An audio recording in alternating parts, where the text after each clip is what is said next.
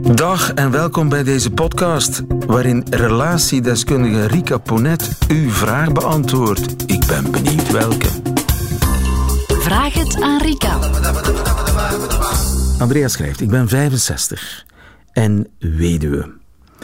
Via lotgenoten heb ik een lieve man leren kennen, een weduwnaar.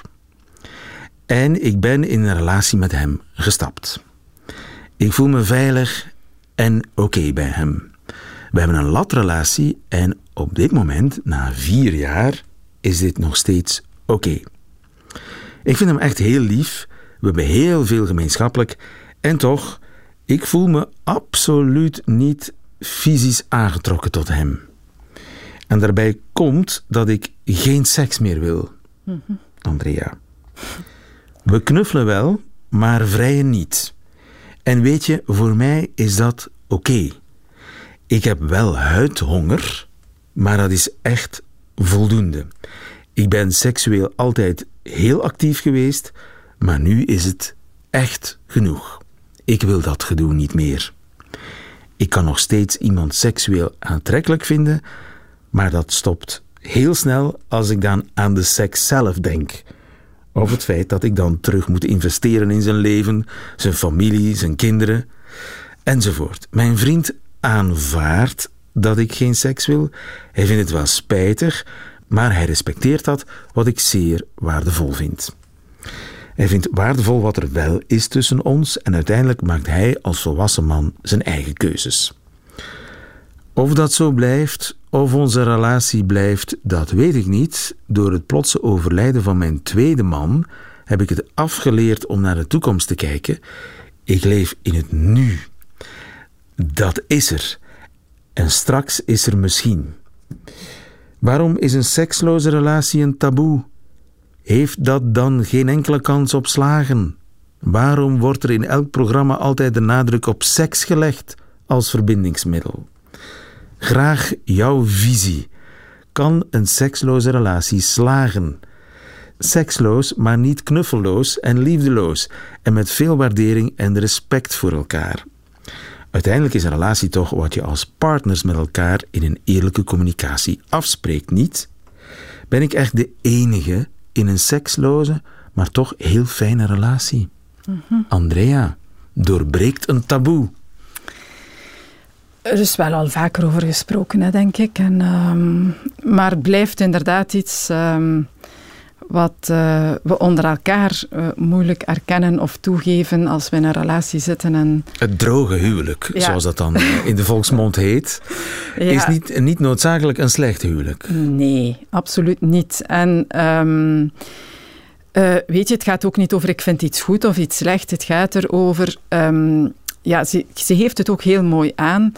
Er wordt altijd de nadruk in programma's gelegd of als daarover gepraat wordt, seks als middel om tot verbinding te komen. En dat is natuurlijk wel heel essentieel.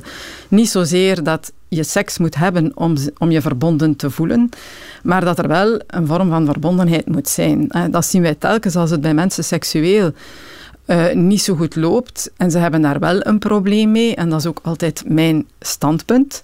Eh, als mensen hun seksualiteit problematiseren, dan ehm, zit daaronder ook heel vaak of meestal een probleem met de verbinding in de relatie, met Ja, het gevoel maar van hier lijkt het omgekeerde aan de hand. Ze hebben een prima verbindenis, een Dus- prima relatie. Er is ook niets aan de hand dan. Het gaat erover, ja, wat zijn zo de pijlers van een relatie? Je hebt zorg voor elkaar, eh, gehechtheid en dan heb je inderdaad seksualiteit, maar dat is veel breder dan penetratieseks. Dat gaat over intimiteit in de meest brede zin van het woord. Ja, ik las onlangs eh, de Nederlandse seksuoloog, eh, die volgens mij overleden is, die het, Van over, Laan, ja, Ja. fantastisch. die het ja. over piven had. Ja, penis en vagina. Penis in vagina, piven. Ja, pe- penis en vagina's.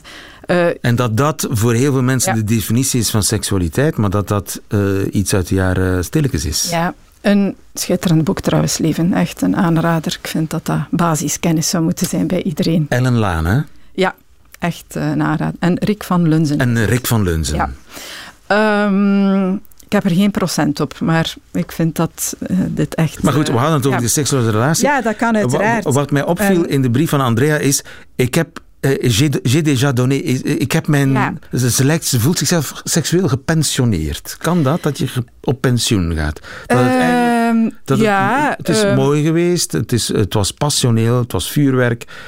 Zeker Ben there, dan dat, het hoeft niet meer. Zeker in, 65. uh, ja, in lange relaties zie je dat wel. Hè, dat mensen uh, een aantal fases doorlopen zijn en dan op een bepaald moment dat die behoefte weg is en men een vorm van maatjesliefde heeft. Hè, dat er dus inderdaad veel zorg is voor elkaar, een diepe vorm van gehechtheid, intimiteit, aanraken. En dan is dat, um, uh, is dat ook verbindend. En want dat is uiteindelijk, ja, waarom zijn mensen samen in langdurige relaties? Dat is iets anders dan seks die gaat over lust. In langdurige relaties ben je samen omdat je, ja, je wil een vorm van erkenning, gezien worden, uh, gewaardeerd worden. Dat zijn eigenlijk de diepere behoeftes waarom mensen in langdurige relaties investeren.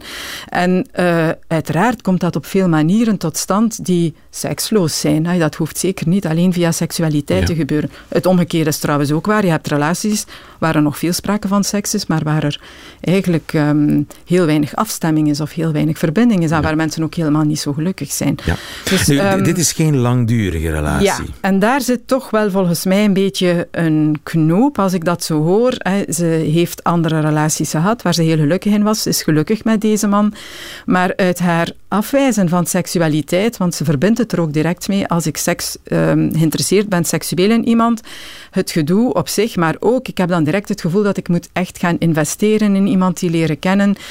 Volgens mij is bij haar seks toch ook nog altijd wel verbonden met een totale overgave en een totale investering investering in het samen en zijn. een klus, heb ik en het idee. Een klus, maar ook je terug heel kwetsbaar maken voor verlies. En ik vermoed dat wat zij meegemaakt heeft, het uh, heel plots overlijden, ze zegt het, van haar vorige partner, um, dat zien wij vaak ook wel op latere leeftijd, dat mensen zich daar eigenlijk een stukje gaan tegen beschermen. Hè. Um, uh, ik uh, hoorde recent iemand die zei, ja, ik heb altijd poezen gehad, die vrouw is nu in de tachtig, ik neem geen kat meer. Weet je waarom? Het verdriet als die poes sterft, dat is zo groot, ik zie daar zo van af. Je kan, je kan dat nu belachelijk vinden als vergelijking, maar dat is eigenlijk net hetzelfde. Ik neem geen poes meer. Ik zie heel graag poezen, maar het doet veel te veel pijn en ik kan dat eigenlijk niet meer aan. Opnieuw dat verdriet moeten verwerken. Ze wil eigenlijk een soort uh, halfvolle relatie. Ja, en dat is een beetje wat ik hier als gevoel bij Af, heb. Afgeroomde melk, uh, ja, halfvolle melk. zichzelf wat beschermen zo. Ja. Ik wil nog wel een aantal leuke kanten van wat een relatie is, maar terzelfde tijd wil ik mezelf toch ook een stukje beschermen tegen het uh, ja, me volledig geven of volledig engageren. Er en is niets fouts mee. Niet, ik bedoel, ja, het ja, kan wie, verstandig zijn. Wie ben ik om daarover te oordelen? Ik denk ook niet dat dat een rationele keuze is. Ik denk dat dat iets is wat mensen doen omdat ze inderdaad van zichzelf inschatten.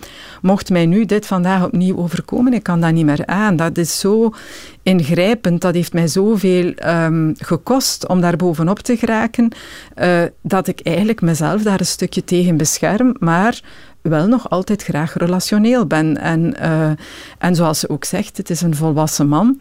Als hij zich daar goed bij voelt. Um, het klinkt alsof. Ja, uh, mocht hij beslissen, ja, maar dan niet voor mij, dat ze dat ook oké zou vinden. Dat ze, dat ze het ook accepteert, ja. Um, en misschien zit haar keuze dan in, uh, in, uh, voor iemand waar ze zich fysiek niet toe aangetrokken voelt, ook daarin. Hè. ze zegt zelf, ik kan mij nog seksueel aangetrokken voelen, maar ze kiest voor iemand um, waar ze zich niet seksueel door aangetrokken voelt. Dus ze sluit dat eigenlijk al een stukje uit, dat aspect van overgave, van totale verbinding, en kiest voor een, een soort van deelrelatie, zoals je zegt, uh, halfvolle melk. Niet slecht, toch? Ja. Soms kan ook lekker zijn. Ja, um, Andrea, en, en nog eens, dat is het echte taboe, denk ik. Hè. Uh, kunnen we accepteren dat er veel manieren zijn van in relaties te zijn en dat dat ook een stukje is waar we op dat moment staan in het leven. En dat is prima, denk ik. Ja. Nog veel plezier, Andrea, met je vriend, hoe wij ook mogen heten. Heeft u zelf een vraag voor Rika Ponet? Stuur ze dan naar nieuwefeiten.radio1.be. En wie weet hoort u het antwoord in een volgende podcast. Namen worden sowieso veranderd.